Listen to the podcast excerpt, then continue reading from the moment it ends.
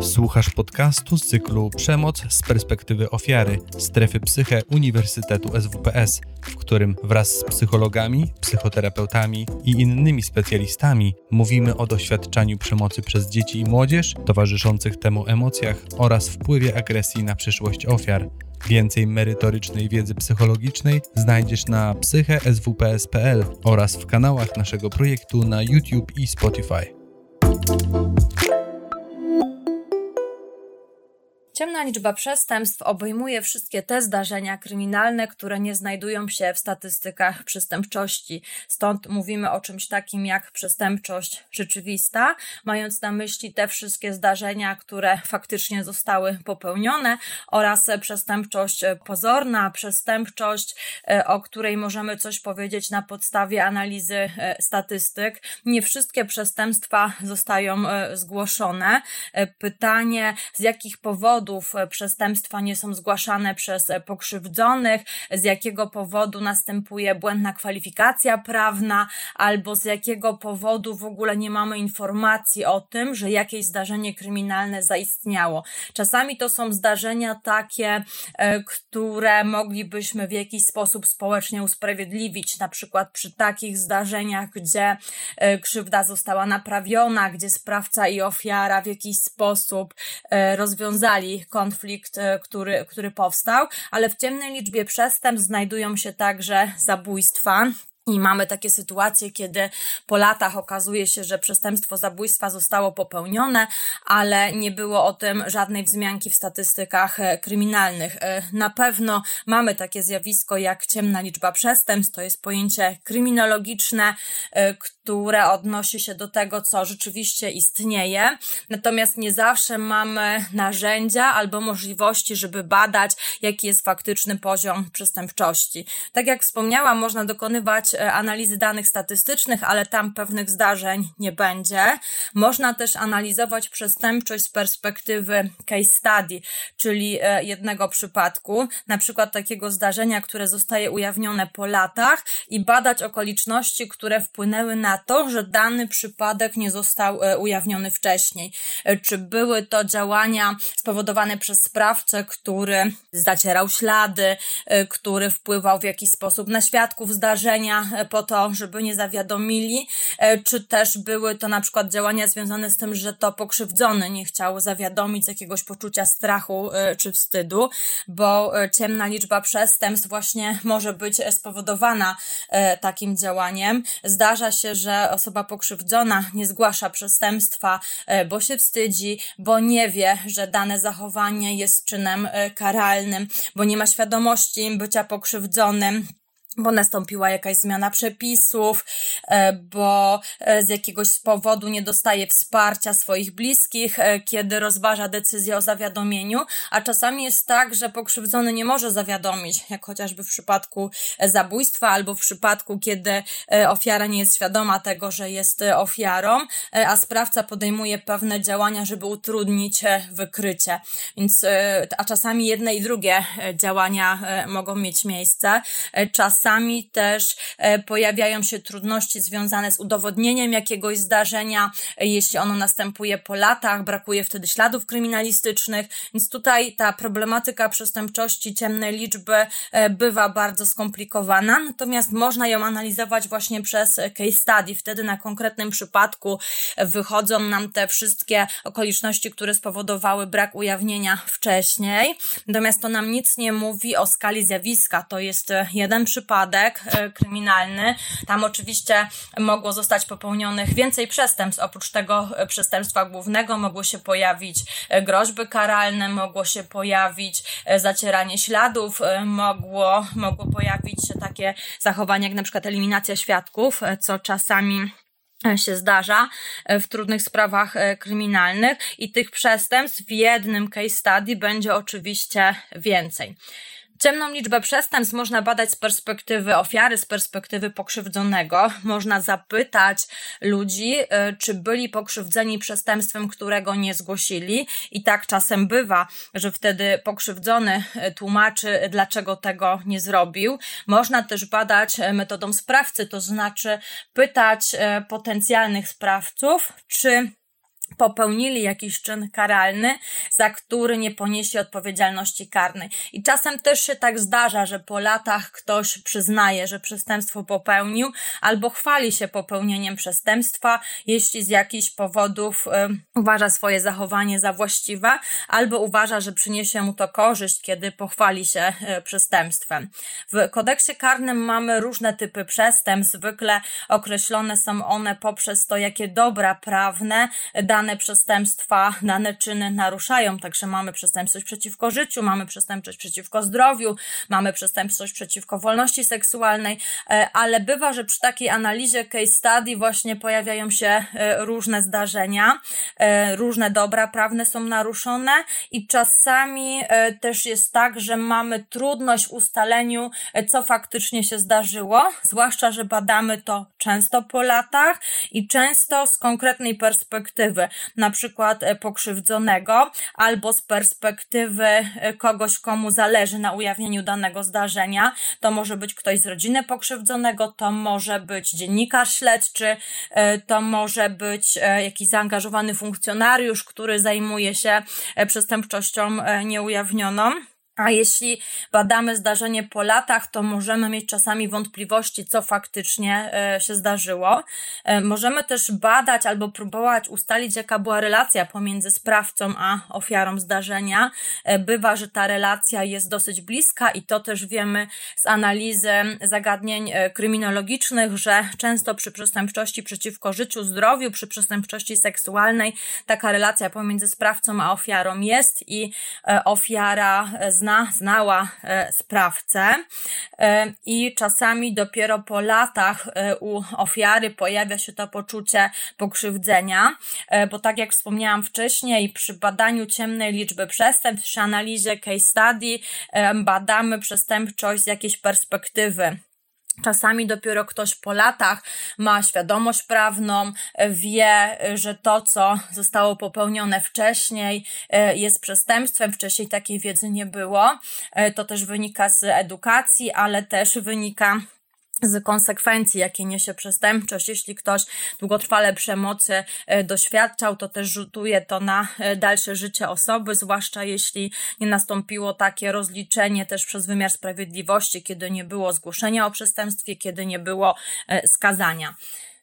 Z drugiej strony musimy też zdefiniować pojęcie przemocy, bo Wspomniałam o tym, że w kodeksie karnym e, mamy e, opis różnych zdarzeń, które są kryminalizowane, za które przepisy przewidują karę, i tam e, opisane jest to z perspektywy dobra prawnego, które jest naruszone. Z pojęciem przemocy posługujemy się w zasadzie w życiu społecznym e, dosyć często. E, w kodeksie karnym czasami pojawiają się znamiona pewnych przestępstw, takie opisy e, jak na przykład działanie ze szczególnym okrucieństwem albo użycie niebezpiecznego narzędzia i takie znamiona muszą podlegać interpretacji. Bywa, że czasami są wątpliwości, czy coś było takim działaniem ze szczególnym okrucieństwem, czy coś było niebezpiecznym narzędziem. Z pojęciem przemocy posługujemy się bardzo bardzo często mówiąc o zachowaniach przemocowych. Czasami trudno zdefiniować, e, co konkretnie mamy na myśli. Bywa tak, że intuicyjnie definiujemy przemoc, e, wiemy, jakie zachowania są zabronione, wiemy, że coś jest naganne, coś bywa społecznie e, ocenione jako niewłaściwe, ale nie zawsze będzie dokładnie taka sama ocena prawnokarna. Z badań kryminologicznych wiemy o tym, że sprawca przemocy tutaj nie ma jakiegoś konkretnego wieku, płci, jakiejś pozycji, bo sprawcą przemocy może być zarówno osoba bardzo młoda, jak i e, osoba w starszym wieku, może być osoba e, o wysokiej pozycji społecznej, ale może być też osoba, która takiej pozycji nie posiada. Natomiast na pewno mamy jakieś wyobrażenie o sprawcy przemocy. Mamy takie wyobrażenie, jak sprawca przestępstwa wygląda, E, i to też może utrudniać walkę z ciemną liczbą przestępstw w sytuacji, kiedy ten sprawca przemocy nie będzie wyglądał tak, jak go sobie wyobrażamy. Jeśli wyobrażamy sobie sprawcę przemocy jako człowieka w konkretnym wieku, e, z konkretną pozycją społeczną, konkretnej płci e, i E,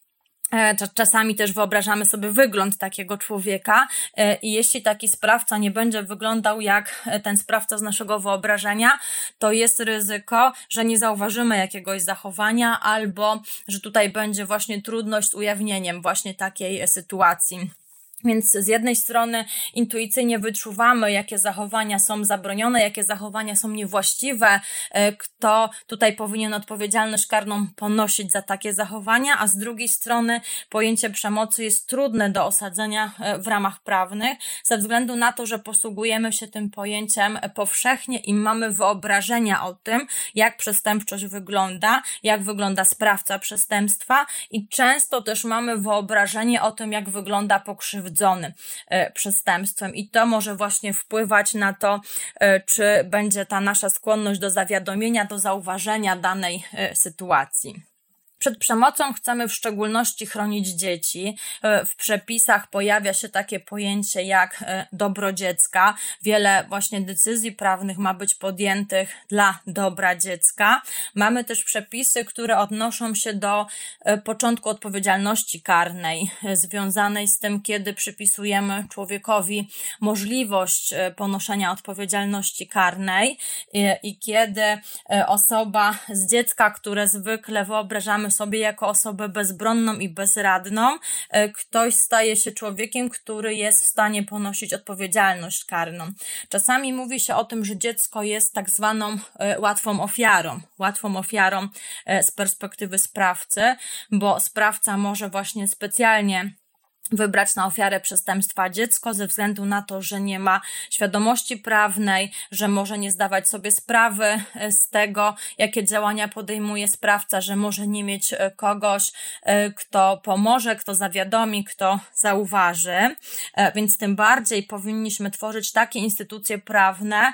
i mieć sobie taką wrażliwość, żeby przestępstwa przeciwko dzieciom, szczególnie te związane z przemocą, wyłapywać. Mówi się też o tym, że wymiar sprawiedliwości ma być przyjazny dzieciom, że mamy tworzyć takie instytucje prawne, na przykład związane z przesłuchaniem e, dziecka, kiedy dziecko będzie świadkiem, kiedy dziecko będzie pokrzywdzonym przestępstwem, żeby e, te działania nie były y, odbierane właśnie jako takie traumatyczne, te związane oczywiście z przesłuchaniem, bo oczywiście y, wcześniej ta, ta sytuacja z, związana z popełnieniem przestępstwa na pewno była dla dziecka y, bardzo trudna. I takie instytucje prawne się pojawiają, które mówią o tym, jak powinno być przeprowadzone przesłuchanie, w jaki sposób właśnie badać przestępczość przeciwko dzieciom, w jaki sposób tutaj tworzyć te instytucje, które które będą pomagały ujawniać e, tego typu e, zdarzenia.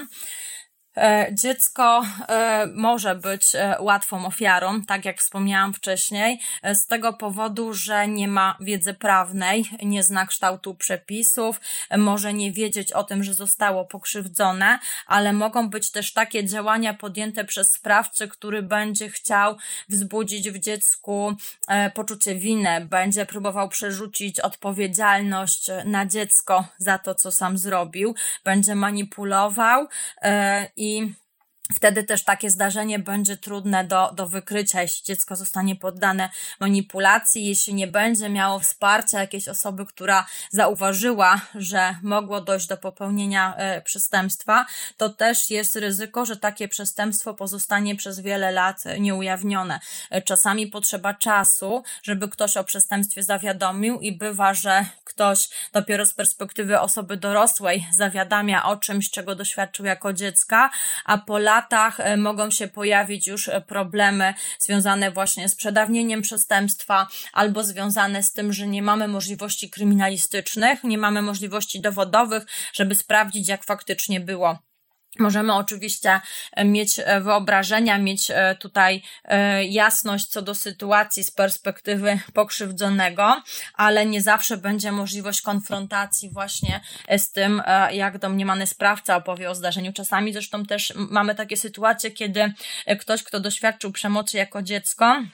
zawiadamia o przestępstwie dopiero wtedy, kiedy sprawca, który przez wiele lat krzywdził, nie żyje. E, I to zawiadomienie wynika nie tyle z potrzeby ukarania kogoś, no bo wiadomo, że to w tej sytuacji będzie niemożliwe, e, tylko że dopiero wtedy e, przestaje tutaj działać paraliżujący strach, dopiero wtedy pojawia się ta potrzeba i możliwość podzielenia się tymi informacjami i często dopiero wtedy jest taka, ta możliwe udzielenie wsparcia z zewnątrz zewnątrz, e, właśnie taka próba spojrzenia z zewnątrz na to wszystko, e, co się e, wydarzyło, więc nie daje to możliwości często powrócenia takiego poczucia sprawiedliwości, no bo wymiar sprawiedliwości nie może tutaj zadziałać już w ten sposób, że kara będzie wtedy wymierzona. I to też jest bardzo trudne dla ofiar przestępstw, kiedy zawiadamiają dopiero wtedy, kiedy jest już trudność ze skazaniem sprawcy i trudno wtedy przywrócić takie poczucie sprawiedliwości. E, z perspektywy sprawcy, Wybór ofiary jest rzadko przypadkowy. Oczywiście mamy takie przestępstwa, kiedy, e, do których dochodzi mm, z powodów, e, nie, nie, nie dlatego, że sprawcy chodzi o konkretną ofiarę, ale bardziej o wykorzystanie jakiejś sytuacji. Natomiast często sprawca wybiera kogoś takiego, E, kto z perspektywy właśnie sprawcy będzie łatwą, dobrą ofiarą, e, oczywiście w cudzysłowie, tak jak tutaj e, definiuje właśnie te, te, te pojęcia kryminologia, ze względu na to, że wtedy może mieć takie poczucie bezkarności. Sprawca wybiera ofiarę, często analizując, czy taka osoba, która zostanie pokrzywdzona przestępstwem, jest w stanie zawiadomić, czy też na tyle będzie sparaliżowana strachem, że tego nie zrobi, albo wybierze na ofiarę kogoś, e, kto nie będzie miał e, wsparcia z zewnątrz, jakiejś e, grupy osób koło siebie, które zauważą, które pomogą zareagować. I czasami sprawca ma taką świadomość, że nikt nie zareaguje, ma poczucie bezkarności, czasami przez wiele lat, ma takie poczucie, że nie poniesie kary, w związku z tym kontynuuje swoje przestępcze działanie. Czasami też sprawca, mając świadomość tego, jakie byłyby konsekwencje, gdyby przestępstwo zostało ujawnione, e, podejmuje pewne działania na rzecz pozoracji, e, podejmuje pewne działania na rzecz zacierania śladów, przygotowania sobie alibi i wtedy oczywiście e, taka sprawa będzie trudniejsza do wykrycia, o ile oczywiście znajdzie się w tej przestępczości ujawnionej, to znaczy jeśli rzeczywiście ktoś zawiadomi i organy ścigania będą miały informacje o takim zdarzeniu. Tutaj ta E, analiza relacji pomiędzy sprawcą i ofiarą jest bardzo istotna i też analiza tego, jak wygląda sytuacja konkretnej e, osoby, tak, zarówno sprawcy, jak i e, ofiary. Kiedy mówimy o przemocy, ważny jest również kontekst zdarzenia, ponieważ przemoc może mieć różne definicje w kontekście kulturowym. Czasami jakieś zachowania są oceniane jako przemocowe w danym czasie, w danej kulturze, a czasami nie. Stąd też nie tylko te kwestie związane właśnie z przepisami, które obowiązują na danym terenie w danym czasie są istotne, ale również to, jaka jest reakcja na dane zachowania. Czasami jest akceptacja pewnych zachowań, które formalnie są sprzeczne z prawem, e, a czasami bywa odwrotnie. Jakieś zachowania jeszcze nie znajdują się w kodeksie karnym, e, a już następuje potępienie społeczne danych zachowań. Zresztą e, bywa tak, że jakieś przepisy zostają dodane do kodeksu karnego, bo pojawiają się nowe zachowania społeczne, które negatywnie oceniamy, a jeszcze wcześniej takiego przepisu nie było, który pozwalałby ukarać e, za dane e, zachowania. Jeśli chcemy walczyć z ciemną liczbą e, przestępstw, na pewno musimy tutaj podejmować działania na rzecz uwrażliwienia, bo często zawiadomienie zależy od innych osób, które mogą coś zaobserwować, bo jeśli z oczywistych względów nie zawiadomi sprawca o, o tym, że popełnił przestępstwo, nie zawiadomi ofiara ze względu na strach, wstyd, brak świadomości prawnej, to musi to to zrobić ktoś inny, ktoś, kto jest blisko, ktoś, kto może zauważyć. Dlatego tutaj właśnie te działania e, na rzecz uwrażliwienia, na rzecz edukacji prawnej, na rzecz świadomości prawnej e, są zwykle e, bardzo ważne. I chodzi też o to, żeby nie patrzeć na przestępczość tylko jak na zjawisko prawne, ale przede wszystkim jak na zjawisko społeczne. I chodzi też o wypracowanie takiego potępienia dla sprawcy i wsparcia dla pokrzywdzonego, bo nie zawsze tak jest, że pokrzywdzony dozna, do, tutaj otrzymuje od nas wsparcie. Czasami sytuacja związana z przestępstwem jest dla nas tak trudna do zrozumienia, tak trudna do zaakceptowania, że coś takiego się mogło wydarzyć, że e, nie chcemy udzielić tego wsparcia pokrzywdzonemu e, i wolimy tutaj obciążyć właśnie odpowiedzialnością za zdarzenie ofiarę, e, też z takiej obawy, żeby nam coś podobnego się nie przytrafiło. Tak? Nie, nie chcemy zaakceptować, że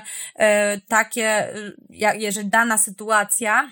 może zaistnieć e, tak po prostu, że są sprawcy, którzy e, w tak perfidny sposób działają e, i wolimy założyć, że w jakiś sposób tutaj też to działanie ofiary było istotne, bo chcemy mieć po prostu poczucie bezpieczeństwa.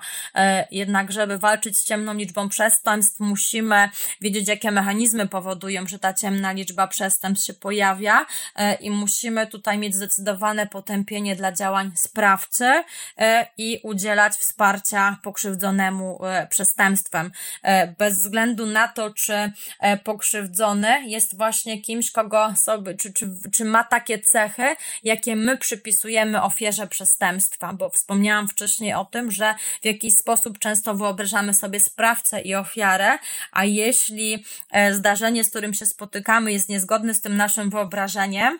to może to spowodować, że udzielimy właśnie sprawcy wsparcia, a nie ofierze ofierze y, przestępstwa. E, możemy też e, rozważyć takie sytuacje, kiedy właśnie e, dziecko jest sprawcą przestępstwa i to bywa niezgodne z naszym wyobrażeniem, bo często wyobrażamy sobie sprawcę przestępstwa jako kogoś właśnie dorosłego, a bywa, że sprawcą przestępstwa jest dziecko. To oczywiście rzadkie sytuacje, żeby dziecko było sprawcą poważnego przestępstwa przeciwko życiu czy zdrowiu, czy wolności seksualnej, ale tak czasami bywa. No i pytanie, e, czy jeśli osoba bardzo młoda jest sprawcą przestępstwa, to będziemy bardziej potępiać, e, czy bardziej próbować e, usprawiedliwiać te działania, czy będziemy tutaj rozważali, czy powinniśmy dać szansę takiej osobie, nie wymierzając kary. To oczywiście też musimy uzależnić od przepisów, które w danym momencie, w danym państwie obowiązują, czyli kiedy zaczyna się odpowiedzialność karna zgodnie z przepisami kodeksu karnego, czy też raczej będziemy próbowali właśnie usprawiedliwić e, i e, nie, nie, nie wymierzać tutaj surowej kary za takie zachowania. To tak właśnie w kontekście rozważenia, czy wyobrażamy sobie dziecko jako sprawcę przestępstwa. Zresztą w historii kryminalistyki mamy też takie zdarzenia, kiedy dziecko było sprawcą przestępstwa przeciwko dziecku. Ja tutaj posługuję się takimi pojęciami e, jak e, dziecko, jak przestępczość, ale myślę tutaj w kontekście społecznym, tak? I tutaj zaznaczam, że zawsze trzeba się odwołać e, do tego, w jaki sposób dziecko, czy też nieletni jest zdefiniowany w przepisach e, danego kraju i kiedy rozpoczyna się odpowiedzialność karna i też jakie zachowania uznajemy za zachowania przestępcze, ponieważ e, też nie zawsze e, wszyscy wyobrażają sobie definicję przestępstwa jako e, takie same zdarzenia. Czasami coś jest przestępstwem, natomiast w społecznym, społecznym przekonaniu nie ma cechy przestępstwa, a czasami też bywa odwrotnie. Mogą też być takie sytuacje związane z ciemną liczbą przestępstw, kiedy to rodzic jest pokrzywdzony działaniem dziecka i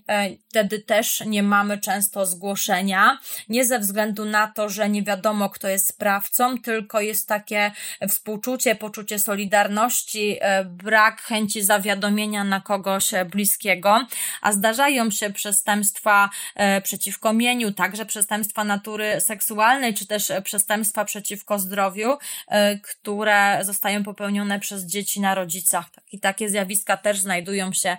w ciemnej liczbie przestępstw. Więc na pewno zdecydowanie częściej dziecko jest ofiarą przestępstwa ze strony swoich najbliższych, ze strony dorosłych, e, którzy wiedząc o bezradności, bezsilności dziecka, e, mogą je krzywdzić. Czasami robią to e, przez lata.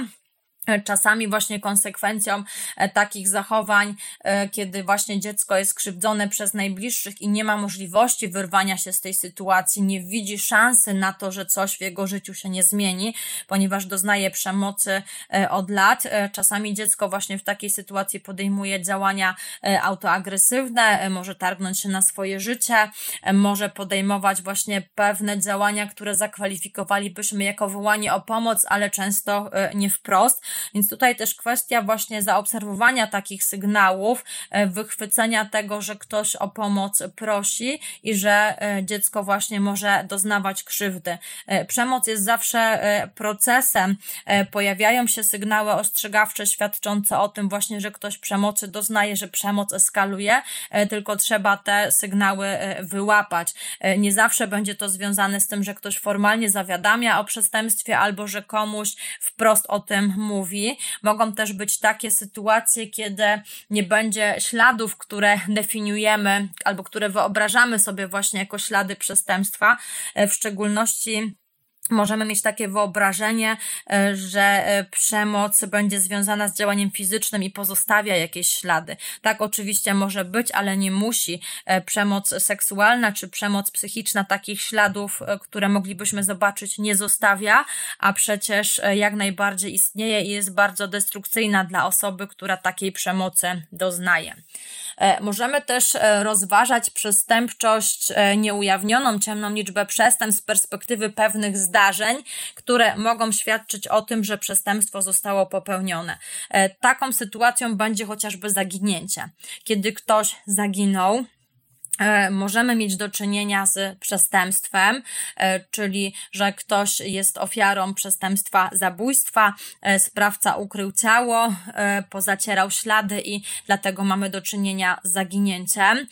To są oczywiście sytuacje rzadkie, bo zdecydowana większość zaginięć to nie są zabójstwa,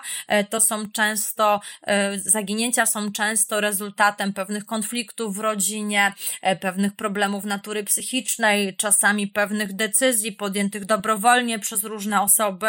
e, i może być tak, że zaginięcie nastąpiło dlatego, że ktoś chce zmienić coś w swoim życiu, e, może też wynikać z nieszczęśliwego wypadku. Natomiast mamy też takie sytuacje, kiedy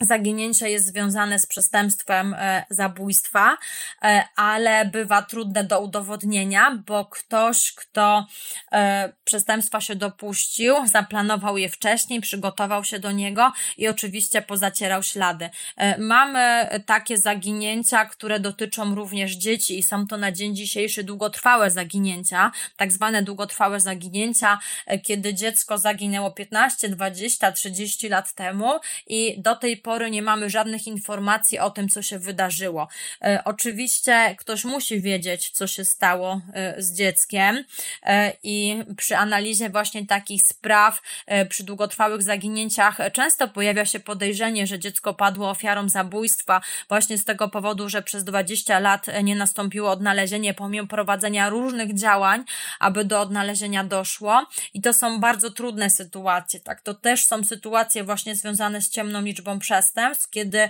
ktoś przestępstwa e, doświadczył. Wiele wskazuje na to, że mamy do czynienia z zabójstwem, ale do dzisiaj nie ma e, odnalezienia. E, czasami z takiego powodu, że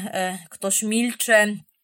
czasami jest mowa właśnie milczenia, e, czasami mamy do czynienia z takimi skomplikowanymi sytuacjami rodzinnymi i są osoby, które wiedzą, ale jest strach, żeby zawiadomić, e, albo niemożność zawiadomienia i na pewno to są trudne sytuacje. Mamy chociażby takie działania podejmowane w Dzień Dziecka Zaginionego, związane właśnie z profilaktyką na rzecz zaginięć, z edukacją, z tym, żeby pokazywać, jak wyglądają działania poszukiwawcze ale też są powroty do starych spraw. Mamy specjalne wydziały w komendach wojewódzkich, które zajmują się analizą właśnie takiej przestępczości nieujawnionej sprzed lat, takich zdarzeń, gdzie jest podejrzenie właśnie, że przestępstwo zostało popełnione,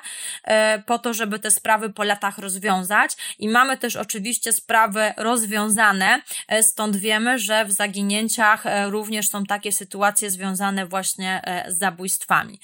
Natomiast mogą być też takie zaginięcia, które są związane z ucieczką dziecka z domu, e, albo z uprowadzeniem dziecka, albo z taką sytuacją, kiedy dziecko postanawia wyprowadzić się do dorosłego partnera e, i e, tam mogą się pojawiać różne przestępstwa, na przykład natury seksualnej, które zostają popełnione,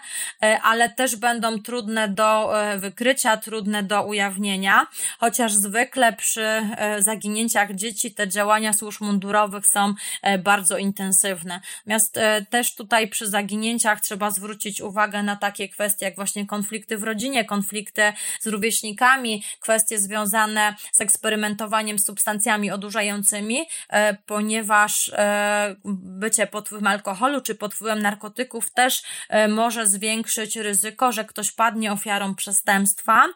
i to przestępstwo będzie trudne do ujawnienia, gdyż pokrzywdzony ze względu na to, że zażył jakieś substancje, nie będzie skłonny do zawiadomienia. Natomiast to sprawca jest odpowiedzialny za to, e, co zrobił. Natomiast często wykorzystuje takie mechanizmy związane z przerzuceniem odpowiedzialności na e, pokrzywdzonego i wtedy ofiara przestępstwa e, nie, nie zawiadamia o tym, co się wydarzyło.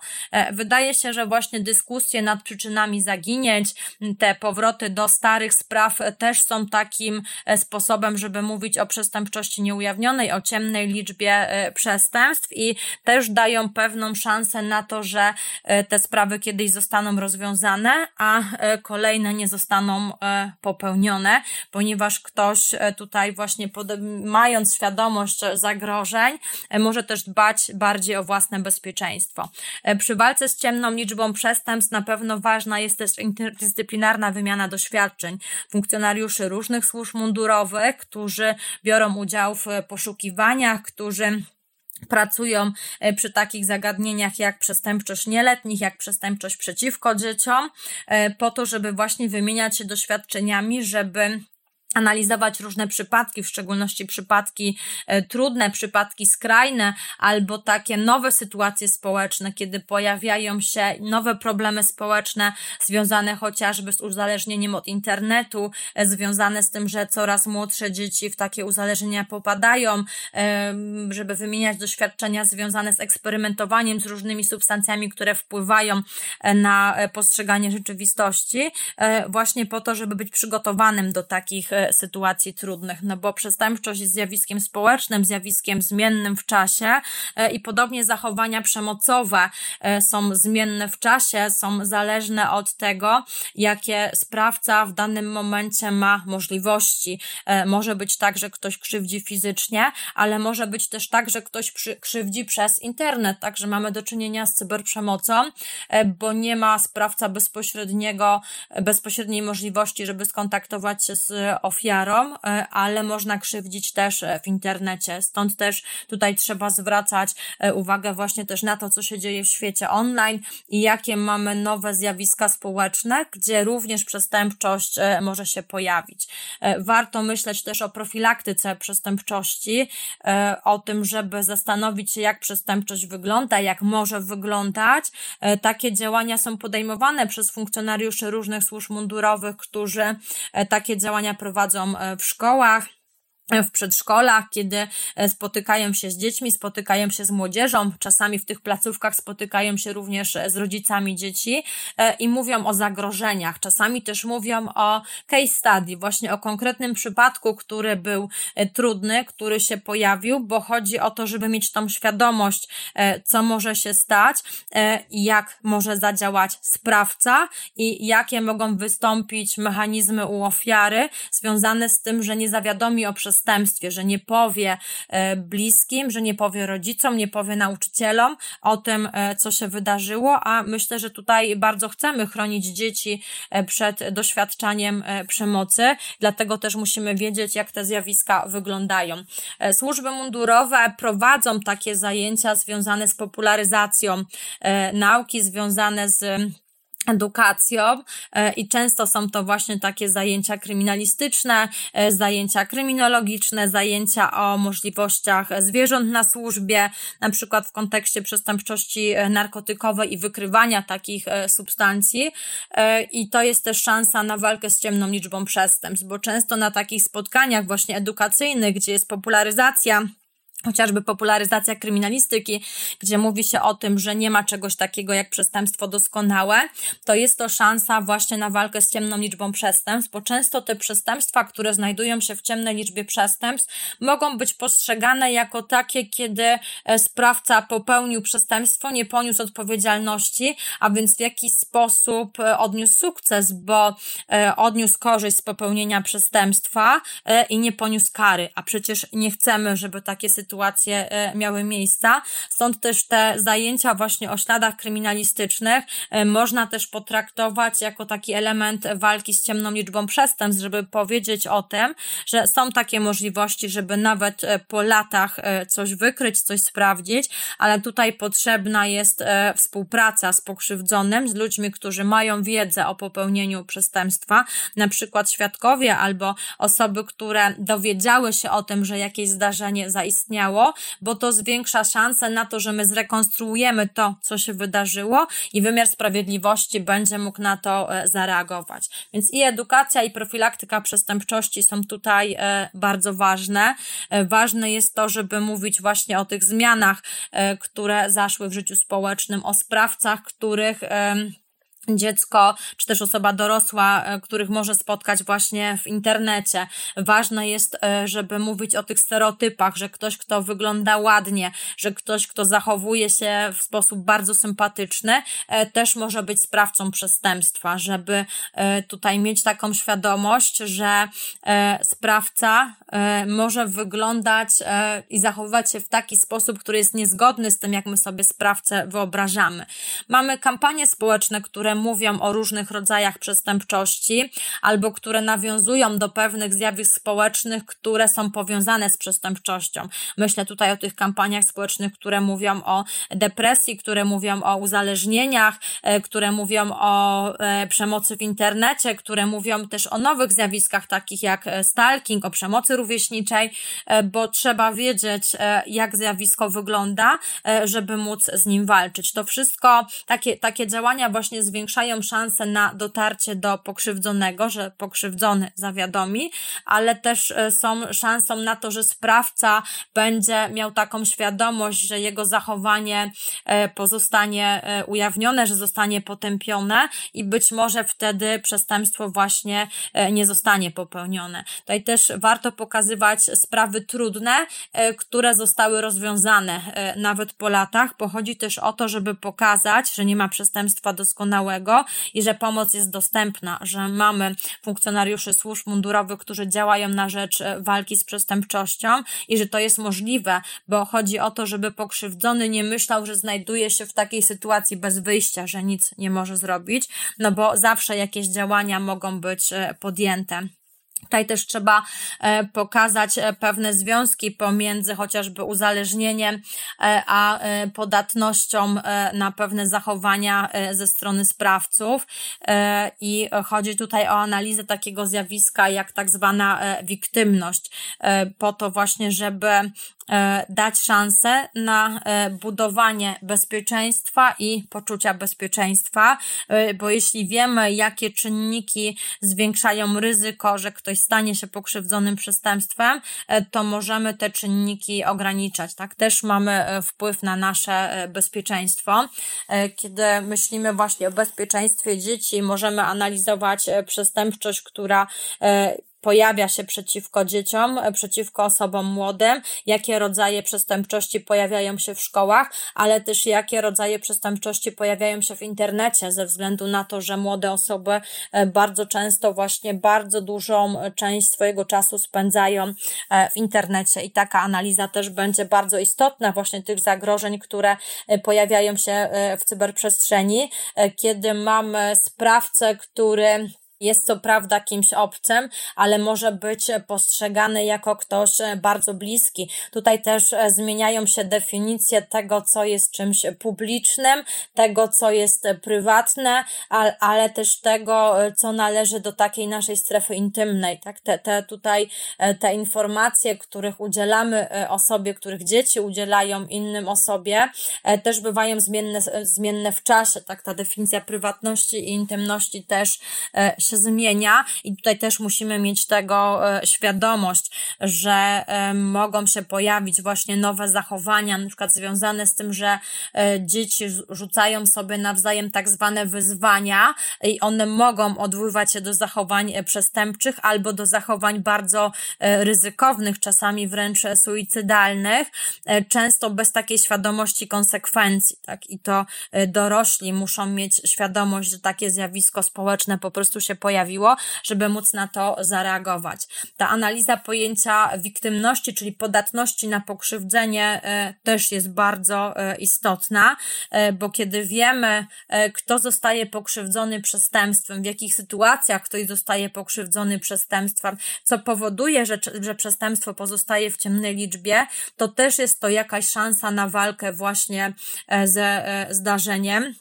E, I też e, przy analizie pojęcia wiktymności e, warto rozważyć pojęcie wiktymizacji wtórnej, czyli chodzi o takie działania, które pokrzywdzony odbiera jako bardzo krzywdzące przy próbie zawiadomienia o przestępstwie, kiedy nie dostaje wsparcia od funkcjonariuszy, którzy przyjmują zawiadomienie, albo kiedy jest wyśmiewany przez własne środowisko, kiedy próbuje coś zrobić z przestępstwem, którego doświadczył i tutaj też chodzi o uwrażliwienie, o to, żeby mówić o prawach ofiar przestępstw, żeby mieć świadomość, że takie e, prawa istnieją, e, bo to wszystko może właśnie przywrócić takie poczucie sprawiedliwości, poczucie bezpieczeństwa e, i warto tutaj właśnie w tym kontekście, tak, wiktymność i wiktymizację wtórną rozważać, żeby takich, żeby takich zachowań po prostu unikać.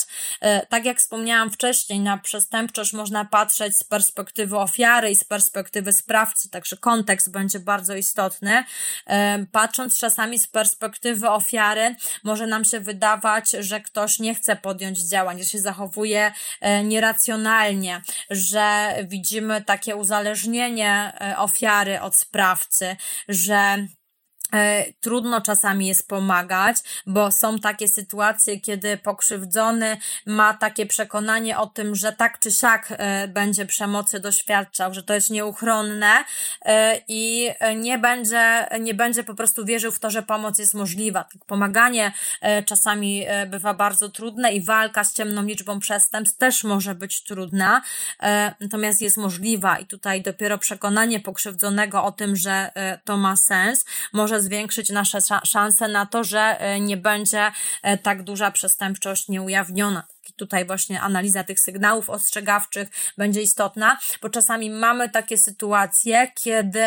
e, przy jakimś zdarzeniu okazuje się, że wszyscy wiedzieli, o czymś, ale nikt nie zareagował. E, czasami dlatego, że nie mieli poczucia, że to jest ważne, czasami ktoś sądził, że inni coś już zrobili, e, a czasami po prostu ktoś nie wiedział, jakie ma możliwości. Tak więc tutaj też, jeśli będziemy wiedzieli, jak reagować, jakie mamy możliwości prawne, będziemy rozumieli e, te, te zjawiska, to na pewno, na pewno będzie łatwiej. I tutaj też ważna będzie ta, ta współpraca interdyscyplinarna różnych osób, które mogą pomagać pomagać ofiarom przestępstw. To będą służby mundurowe, to będą różne organizacje społeczne, fundacje, które wspierają pokrzywdzonych, e, to będą bliscy, to będą osoby znane, które też mówią o tym, że zostały pokrzywdzone przestępstwem i opowiadają, w jaki sposób sobie z tym poradziły, e, bo zawsze taka analiza konkretnego przypadku, który był trudny, gdzie ktoś doświadczał przemocy przez lata, ale sytuacja została naprawiona, e, no jest taką szansą, że ktoś również postawi postanowi coś zrobić z tym, że jest krzywdzony, że dostanie pomoc i ta ciemna liczba przestępstw będzie, będzie mniejsza. Tutaj oczywiście przy walce z ciemną liczbą przestępstw na pewno też e, pomaga e, kryminalistyka, bo mamy duże możliwości, jeśli chodzi o udowodnienie, że przestępstwo zostało e, popełnione, ale często przy ciemnej liczbie przestępstw problemem nie jest to, że nie mamy narzędzi kryminalistycznych, tylko że służby mundurowe nie mają informacji o tym, że dane zdarzenie zaistniało. I tutaj można badać zarówno ślady materialne, jak i ślady niematerialne. Krakowskie Archiwum X wprowadziło takie pojęcie śladów na duszy, które jest związane z takimi śladami, które oczywiście trudniej analizować, ale które też są możliwe do wychwycenia. Takie zmiany na przykład w zachowaniu sprawcy przestępstwa, nawet jeśli przestępstwo zostało popełnione dawno temu y, i te zmiany w zachowaniu pomagają ujawnić, co się rzeczywiście wydarzyło. I są takie sprawy, gdzie właśnie te ślady niematerialne materialne, tak zwane ślady na duszy, e, pomogły rozpocząć działania w danej sprawie i pomimo tego, że przestępstwo miało miejsce wiele lat temu, na dzień dzisiejszy te sprawy są zakończone e, właśnie skazaniem za przestępstwo. Więc tutaj e, też warto wiedzieć, że mamy narzędzia kryminalistyczne, które pomagają walczyć z ciemną liczbą przestępstw. Czasami też Warto zwrócić uwagę na takie zjawisko jak odwrócona piramida przestępczości. Często bardzo dużo mówimy o przestępstwach, które zdarzają się najrzadziej. E, dużo uwagi poświęca się chociażby przestępstwu zabójstwa, e, które przecież e, wcale nie tak często pojawia się w życiu społecznym. Mamy dużo innych przestępstw związanych chociażby z przemocą psychiczną, o których tak dużo się nie mówi, a które na pewno pojawiają się zdecydowanie zdecydowanie częściej. E, I też ta, ta, to, ile mówimy o pewnych rodzajach przestępstw, może wpływać na to, jak my sobie przestępczość wyobrażamy, jak my sobie wyobrażamy zagrożenia, albo to, e, jakich sprawców przestępstw będziemy mieli najwięcej e, w społeczeństwie, a często nie zauważamy takich przestępstw związanych z przemocą, które trwają przez lata, które są związane właśnie z przemocą psychiczną czy z przemocą seksualną, które bardzo bardzo destrukcyjnie oddziałują na pokrzywdzonych, ale są często nieujawnione przez lata. Więc e, tutaj e, dlatego też warto analizować takie pojęcia kryminologiczne, chociażby ta odwrócona piramida przestępczości, żeby mieć świadomość, że są też przestępstwa, o których mało się mówi, a których jest bardzo dużo e, w życiu społecznym. Warto też oczywiście odwoływać się do statystyk kryminalnych, czyli tego, co na pewno wiemy o przestępczości, ale też mieć świadomość, że są zdarzenia, których których te statystyki e, nie obejmują. Tak? A e, tutaj analiza właśnie takich danych może być istotna dla naszego poczucia bezpieczeństwa i dla naszego faktycznego bezpieczeństwa i też przekłada się na zaufanie do służb mundurowych, kiedy widzimy właśnie, jakie są możliwości, jakie działania są realnie podejmowane e, po to, żeby właśnie walczyć z ciemną liczbą przestępstw. Jako kryminalistyk jestem przekonana, że nie ma czegoś takiego jak zbrodnia doskonała. Zawsze są ślady po popełnionym przestępstwie, ale często, żeby walczyć z ciemną liczbą przestępstw, konieczne są też działania po stronie pokrzywdzonych, żeby mieli świadomość, co się wydarzyło, żeby zawiadamiali, albo żeby, y, żeby to były działania właśnie bliskich osób pokrzywdzonych. Tutaj myślę o takich e, działaniach, kiedy pokrzywdzony już takich działań nie może podjąć, e, chociażby przy przestępstwie e, zabójstwa ale e, zawsze jest ktoś, e, kto wie, e, kto ma wiedzę o tym, co się stało, więc to zawiadomienie jest ważne. Ważna jest świadomość prawna, ważna jest też ta wiara w wykrycie. Tutaj często właśnie funkcjonariusze krakowskiego Archiwum X mówili o tym, że w tych sprawach, gdzie mamy podejrzenie zabójstwa z ciemnej liczby, prowadzą działania do końca, że ta wiara w wykrycie jest w nich bardzo duża i pokazują też tymi sprawami rozwiązania rozwiązanymi, że to ma sens, tak, nawet e, po latach, e, kiedy sprawa zostaje e, rozwiązana. Oczywiście tutaj też można rozważyć sens kary po długim czasie, albo nawet niemożność wymierzenia kary, kiedy sprawca nie żyje, ale też, żeby zauważyć, jak to jest ważne, żeby nawet w takiej sytuacji sprawa została rozwiązana. Oczywiście można się zastanawiać nad resocjalizacją sprawcy, nad tym, jak, jaka, jaka, jaką dolegliwość powinna mieć mieć w sobie kara, ale myślę, że przede wszystkim tutaj istotne jest, żeby dowiedzieć się, co się wydarzyło, tak? Czyli dotarcie do prawdy w tych zdarzeniach, które przez lata są tuszowane, przy tych zdarzeniach, o których się nie mówi, bo właśnie znajdują się w ciemnej liczbie przestępstw.